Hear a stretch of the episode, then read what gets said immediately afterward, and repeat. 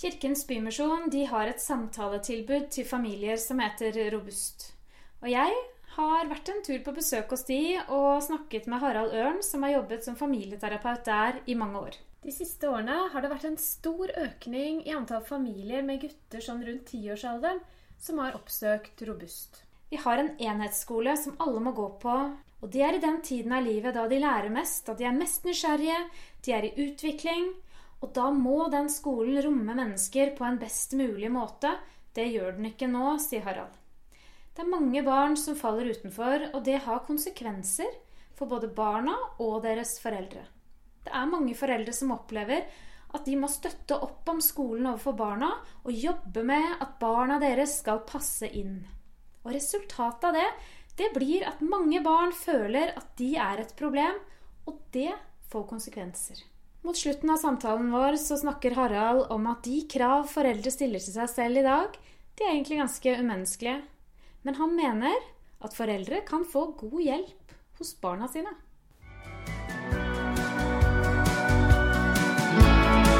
Sett deg lenge, det kommer til å skje. Du blir voksen, og jeg veit ikke helt hvordan jeg takler det.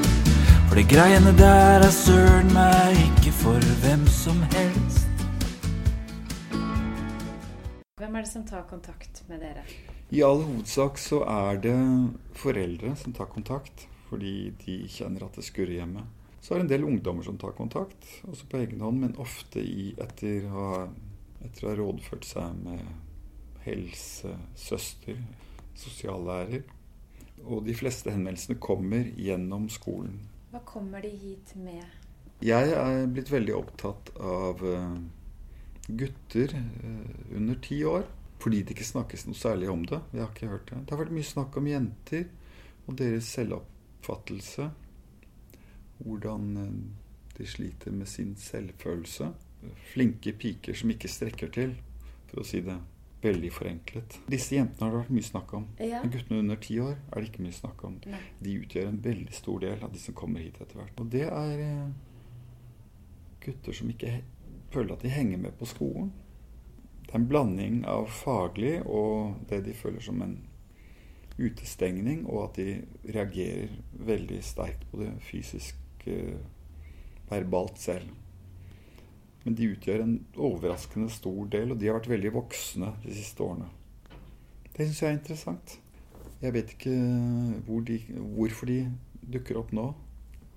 Men jeg tror det er fordi de føler at den skolen de må tilpasse seg, krever noe av dem som de ikke kan levere. Og så føler de at de kommer til kort. Dette gir de jo mer eller mindre uttrykk for. Så det er en type prestasjons det kan tolkes som om de reagerer på at de må prestere på en bestemt måte. Men da er det foreldrene som tar kontakt, da, fordi det, denne kanskje frustrasjonen eller det de sliter med, kommer til uttrykk på en måte som gjør foreldrene bekymret? Er det sånn? Ja, veldig ofte så er det ikke noe problem hjemme. Veldig ofte, men veldig også Det, det smitter jo over på hjemmesituasjonen også, men uh, skolen melder jo om problemer på skolen, og så blir foreldrene involvert. Og så sier skolen at kanskje de kan gå på robust. Og det syns jo jeg er fint at de kommer til robust, og så syns jeg at det er trist at, det er, at, de kommer til robust som om det var noe gærent med de elevene. Som om det var noe gærent med de gutta. Eller i dette tilfellet. For det er det jo ikke. Nei. Når det kommer flere og flere uavhengig av hverandre, så, kan, så er det kanskje den skolen som kunne vært på en annen måte. Eller at eh, det er i hvert fall noen Det er ikke noe gærent med disse gutta. Nei, det Og, og, og, og hva skal vi gjøre med dem? Få dem til å Ja, vi, vi kan hjelpe dem til å håndtere situasjonen bedre for seg selv. De liker jo ikke at det blir så vanskelig. Så det er klart de har en interesse i å prøve å forvalte sin frustrasjon på en annen måte. Så kan, kan være mer fruktbar. Det de kommer med, er jo en respons på et eller annet. ikke sant? Ja, det er noen tanker rundt, rundt dette med å individualisere et problem. Når det er mange nok som har det, så er det jo ikke bare én som eier det. Det ene er at det er gutten sjæl og familien rundt som har det, men det tilhører også samfunnet når det er mange gutter som har det sånn. Dette handler egentlig om et system som eh, er blitt såpass trangt at det er absolutt ikke alle som passer inn. Ja. Det, så, så kan man Sånn tolker jo vi det. Nå kommer, får ikke vi snakket med alle de som har det kjempefint på skolen, og det er det mange som har sikkert. Men denne skolen må alle gå på. Det er lovbestemt. Det de, og I praksis skal de gjøre dette til de i 13 år kontinuerlig. Den tiden hvor de vokser mest og er mest mottakelige for inntrykk, og hvor, lærer, hvor, mange læringer setter seg.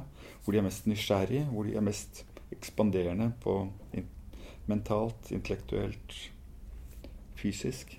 Da er, fint, da er, det viktig at den skolen kan romme mennesker på en best mulig måte. Hvilke uttrykk er det som, som er det som kommer ut da, hos disse guttene som, som opplever det utfordrende? Eller som, det, det, får jo noen uttrykk som det er tydelig at lærere eller foreldre reagerer på. Eh, hvilke uttrykk får dette? Nei, Det er hele skalaen når folk er frustrerte. Noen mm blir stille. Noen blir tause. Noen går litt i sort. Andre eksploderer, ikke sant. Noen eh, tar det ut hjemme. Andre tar det ut på medelever. Andre tar det ut på læreren. går løs på læreren. Eh, og mange tar det jo da, Mest tar de noe ut på seg selv, da. Så kommer de hit. Hva skjer når man tar kontakt med ja, Robust og kommer hit? Ja, da er det mange både foreldre og barn som er engstelige. De ønsker hjelp. Foreldrene fordi de føler et ansvar overfor skolen og samfunnet som de føler at de ikke klarer å oppfylle. Fordi barna deres, som de har ansvar for, ikke oppfører seg ordentlig på skolen. Mest av alt er det fordi de er glad i barna sine og ser at barna lider. Men dette er også en ganske styrende tanke for dem. Barna kommer hit, og de, mange frykter nok at de skal få en ny runde med formaninger. Hvem frykter det? Er det barna som frykter det, tror du? Eller, Barn, barna frykter det. Kanskje foreldrene også. Mm. Kanskje foreldrene har en idé om at nå skal, vi, nå skal det enda hardere lut til, eller de, nå skal de få det inn på en annen måte. Så det vi gjør, er jo alltid å møte barna på barnas premisser. Høre om deres opplevelser. Ofte er barnet litt taust til å begynne med, fordi det er blitt trukket av gårde ned i sentrum i en fremmed bygning med noen voksne mennesker som de aldri har møtt før. Det er ikke noen veldig god start på en samtale. Så vi pleier å snakke med foreldrene og be få lov til å Om vi kan begynne med å snakke om hva de mest, setter mest pris på med barna sine. Og hvilken situasjon, hva slags verdier, hva opplever de at barna har stått for? Kan de fortelle om noen situasjoner? Um, hva betyr det for dem at deres barn står opp eh, for sine gode venner? At de eh, elever praktiserer en type lojalitet som få voksne klarer å etterleve? Hva betyr det for dem når barna eh, kanskje trøster dem når de har det vanskelig uten at de har bedt om hjelp? Plutselig blir det plass til disse historiene. Det er fint for foreldrene. Det er veldig fint for barna stort sett. Det gjør at barna også kan melde seg på og hjelpe til å fortelle om situasjonene hvor de har vært observert av foreldrene. Så kan de utdype mer om sine intensjoner den gangen. ikke sant? Det ville folk gjerne fortelle om. Hvorfor de forsøkte å gjøre noe. Ikke så mye om det som ikke fungerte som et resultat, men de vil gjerne fortelle om hva de håpet å få til, selv om konsekvensene kanskje ikke ble akkurat sånn som man hadde håpet. Det viktigste er å skape et rom hvor alle kan si hva de føler, hvor de kan bli klar over hvor viktig de er for hverandre, hvorfor de er viktige for hverandre. Fordi det går litt tapt i uh, forventningene som foreldrene føler fra samfunnet, omgivelsene og fra skolen. At de liksom må være der som en representant på skolen, for skolen når de er hjemme og for barna. Resultatet er jo ofte at barna blir helt alene med sin opplevelse. Eh, barna også lider også under forventningene om å måtte gjøre noe som de ikke klarer å gjøre, kanskje. Det om å gjøre å skape et rom som, hvor disse negative kreftene har så liten makt som mulig, og hvor det som er konstruktivt for foreldre og barn, kan, kan få lov å leve slik at de kan finne et felles prosjekt. Det høres ut for meg som dere eh, jobber litt med å rett og slett finne tilbake til de gode stundene, til de gode egenskapene, til det positive. Mm -hmm. Istedenfor det som kanskje har vært en eh, hverdag preget av mye kanskje kritikk og forventninger og, og mye negativt. da. Ja, det som er viktig for foreldrenes og barnas identitet altså de, de, er nok de beste personene for hverandre til å gi hverandre følelsen at de kan være den beste versjonen av seg selv. At de kan lære å trives med seg selv. Altså leve med seg selv. Jeg tror at eh, en god stund med barna er, gir en mor eller en far en følelse av at de er gode nok, en ro som ingen andre kan. Det er det bare det barnet som kan tilsvarende er det for barn i forhold til den voksne. Så vi må i hvert fall etablere det til å begynne med. Da står man ikke tomhendt overfor de utfordringene som er der. Det er det aller viktigste. Å begynne å snakke om problemene. Ellers er jo å snakke om problemene på, på problemets premisser. Det er det problemet som definerer hva man kan få til i samtalen. Og det er ikke stort, da. Da blir det taust. Og det blir formanende. Og det blir syndebukker. Ikke noe av dette er hjelpsomt for Verken på barn eller foreldre. For det jeg tenker, er at det er mange foreldre her som er ganske fortvilte. Som står i den, nettopp den si, spagaten mellom mm -hmm. forventningene eh, fra lærer, fra skolesystemet, mm. eh, og nok også fra samfunnet ellers, om at de skal være gode foreldre, de skal mm. følge opp. Mm. Og de skal helst ha barn som passer inn i det systemet som mm. det er. Mm. Og så gjør plutselig ikke deres barn det. Ja. Og så føler de seg dårlige som foreldre. Mm -hmm. De føler jo at ikke de strekker til. Og så mhm. blir de er det jo fort å gå inn i en rolle da hvor man på en måte vil forandre barnet sitt. Opplever du foreldre som uttrykker det? Jeg tror ikke de Jeg tror i konsekvens er det det som kan komme til å skje.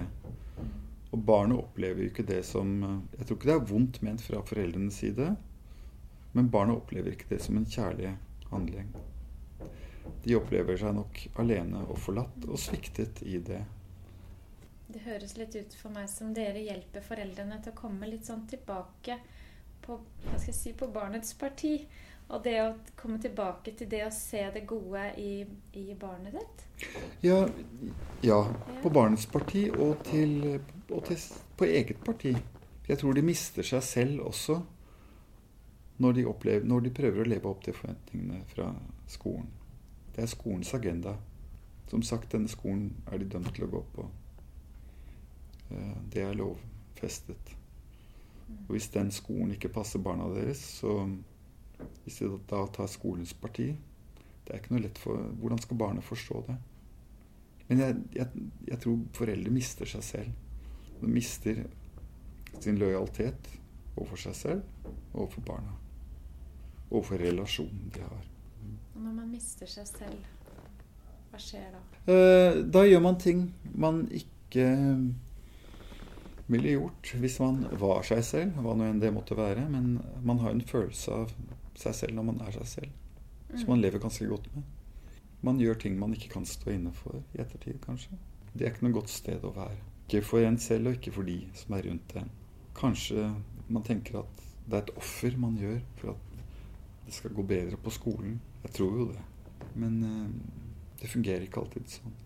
Klarer du å komme med et liksom, konkret råd? Altså, hvis, hvis, det sitter foreldre nå og lytter til og kjenner at de er i akkurat den spagaten der, hva kan man gjøre som foreldre?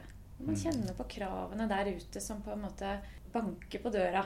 Jeg tror at de som kan gi foreldrene best støtte, dette her, det er barna deres. De vet på egne vegne hva som er best for seg selv. De har erfaringer med, gode erfaringer med det, med hva som er godt for seg, og de har dårlige erfaringer. Ehm, det er en idé om at foreldre skal ta ansvar for barna. Jeg tror at foreldre Det gjør foreldre ensomme i forhold til barna. Ofte så tar jo barna tar jo ansvar for foreldrene hele tida. Tar ansvar for familien hele tida. Men i vårt samfunn sier man nei, barn, du har ikke lov til å, du har ikke lov til å ta ansvar. Det skal vi som foreldre ta. Men barn tar ansvar hele tiden. Og ofte kan ikke foreldre ta ansvar alene. Og i disse situasjonene så Noen av de beste de kan søke hjelp hos, er hos barna sine. Men da må de åpne opp for barna, og da må de lytte til barna sine. Hvordan skal de gjøre det? For mange vil jo tenke ja, jeg skal, jeg skal åpne opp for barnet mitt. Jeg skal, mm -hmm. Men hvordan skal jeg faktisk hvordan skal jeg gjøre det? Ja, de, de må jo skape en trygg situasjon med barnet. Jeg tenker på samme måte som vi gjør på Robust. Du må etablere en situasjon hvor det er trygghet. Slik at barnet og en selv står så støtt som mulig. Så kan man begynne å snakke om det som er utfordrende. Man kan ikke i en opphetet diskusjon begynne å snakke om det håpløse. Eller det kan man godt, men det tror jeg ikke det kommer noe særlig godt ut av. Så man må komme opp på elvebredden før man kan begynne å snakke om den elven man nettopp har reddet seg ut av. For ikke å gå under. Rett og slett eh, finne tid og sette av til, til samtaler. Ja, og situasjoner. Hvor er det barnet er trygt? Hvor er det, hvor er det vi har det fint? Ja. Og prioritere det. Og når barnet er trygt, og en selv er trygt, så kan man snakke om hvordan man selv har det. Uh, altså, det er uttalt som om andres problemer, det har man liten eh, autoritet på. Men å snakke om hva man selv syns er vanskelig, det kan man snakke om. Og da vil de andre som er glad i en, forsøke å hjelpe. Men hvis, hvis jeg skal begynne å snakke om hva som er bra for deg, så tror jeg du ikke vil snakke mer med meg. Mm, det har du nok Så rett kort. i. Ja. Mm. Fordi det kjenner jo jeg best selv, hva som er bra for meg. Mm. Det kjenner jo ikke du. Mm. Og de må ha tillit til at barna kan vite det. Og det vet barn. Om de tingene som de har erfaring med. Barn er klokere enn det vi ofte Eh, på Robust så vi har, to, vi har en dag hvert år som vi, som vi kaller Robustdagen. Der feirer vi barns klokskap, initiativ, handlekraft etc. Ved å vise hva barn eh, på en eller annen måte belyse hva barn kan komme opp med. Hvordan de klarer seg gjennom eh, veldig vanskelige eh, oppvekstforhold. Og eh, det, i det ligger det jo også at foreldre klarer de kravene foreldre stiller til seg selv, er altså litt umenneskelige. Og det gjør dem eh, stive og, og ensomme. Men de kan søke hjelp hos Jeg tror mange foreldre kan få mye god hjelp hos barna sine. Hvis de ikke tenker at de skal vite best, alltid skal vite best på vegne av barna.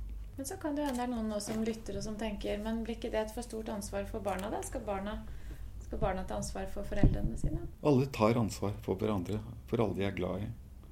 Det er klart hvis du Og ofte så vil de føle det vondt ikke å få lov til å gjøre det. Eh, hvis, hvis foreldrene ikke kan få lov til å hjelpe barna når barna har det vanskelig, hva tror de foreldrene at barna føler hvis de ser at foreldrene har det vanskelig og de ikke får lov til å gripe inn hvis de gjerne vil gjøre det? Gjør det mindre vondt for, for, for foreldrene?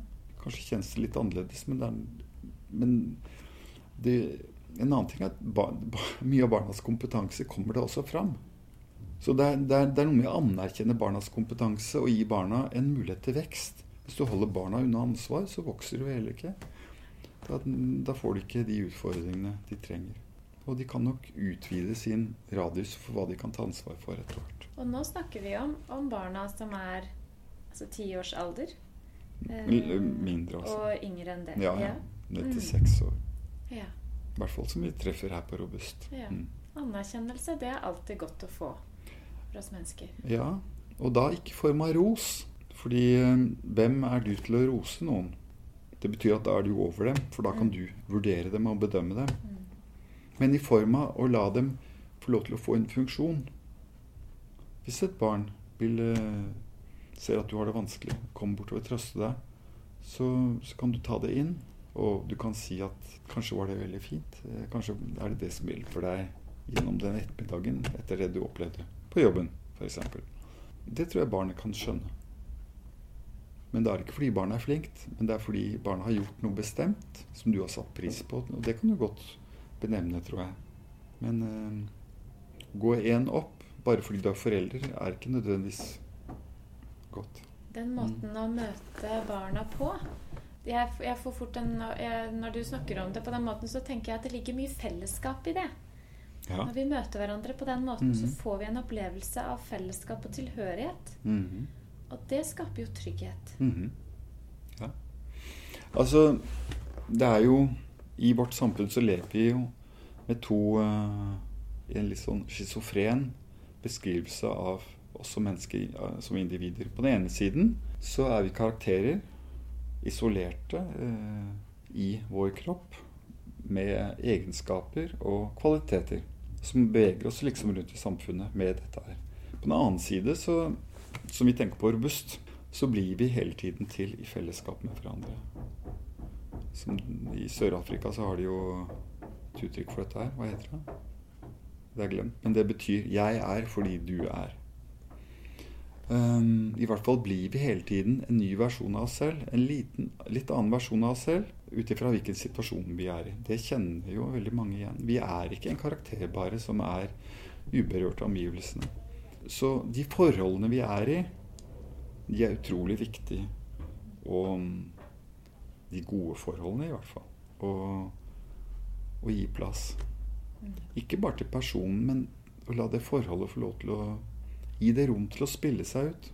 Ja, Så det er et fellesskap der. Vi blir til i møte med hverandre. Det å vite at barna de blir til i møte med oss mm. voksne. Både foreldre og lærere og andre mm. voksne de møter. Og de voksne blir til i møte med barna sine. Det går begge veier. Hvis man ikke har med den begge veier, så blir det en enveiskommunikasjon. Altså, Da er det en som har makt, og en som, en som definerer, og en som må utføre. Men eh, tilbudet deres heter Robust. Hva um, ligger i det? Det betyr vi, vi, liker å tenke at det betyr at uh, alle mennesker kan være robuste. Det betyr ikke at de har en tykk, tykk panser, men det betyr at på tross av vår sårbarhet, så har vi også en evne til å være robuste. Altså, vi er først og fremst ikke offer for omstendighetene, men vi er mennesker med handlekraft som har valg. Vi kan i hvert fall være det. Om jeg kunne gjøre deg skuddsikker, gjøre sånn at dritten bare preller av. Men jeg er dessverre bare meg, jeg er bare pappa.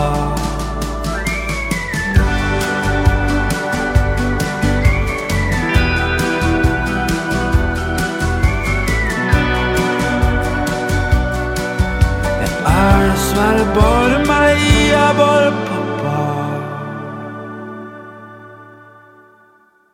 Du tema du har lyst til at jeg skal ta opp i podkasten min, så send meg gjerne en mail på ann-jeanette.samtaleverkstedet.no.